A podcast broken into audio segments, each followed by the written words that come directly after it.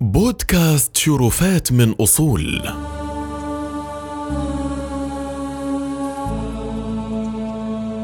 استوحيت هذه الحلقة من كتاب أبو الحسن الندوي والذي يحتوي قصة حياته.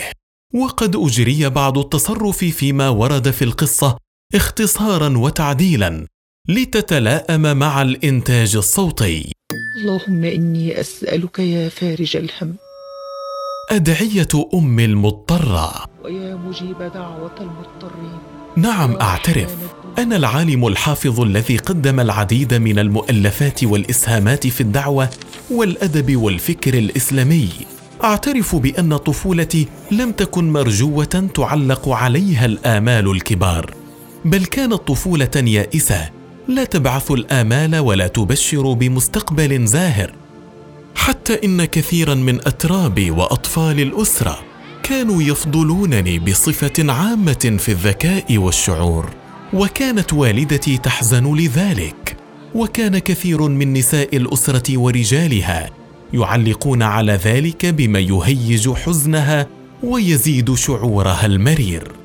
ولكن ذلك جاء بفائدة كبيرة فقد أفرغت والدتي ما في كنانتها من أدعية وابتهالات لتربيتي وصلاحي وتحصيل العلم وقبولي عند الله وعند الناس ونجاحي في الأمور كلها.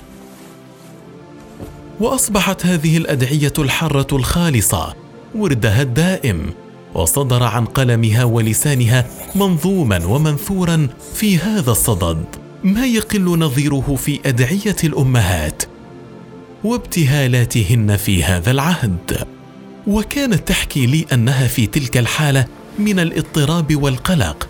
رأت والدها رحمه الله في المنام. يذكرها بمنامها القديم الذي رأت فيه شخصا يبشرها بقوله تعالى فلا تعلم نفس ما أخفي لهم من قرة أعين وقال لماذا تضطربين وتخافين؟ والواقع كما أعتقد أن ما قدر الله لي من الخير وما آتاني به من الفضل والزلفى لدى عباد الله الصالحين وما منحني من عطفهم وأدعيتهم كل ذلك يرجع إلى تلك الأدعية المضطرة التي كانت تدعو بها والدتي رحم الله أمي وأمهات المسلمين أجمعين. وأجرى على ألسنتهن الخير لأولادهن في الدنيا والآخرة.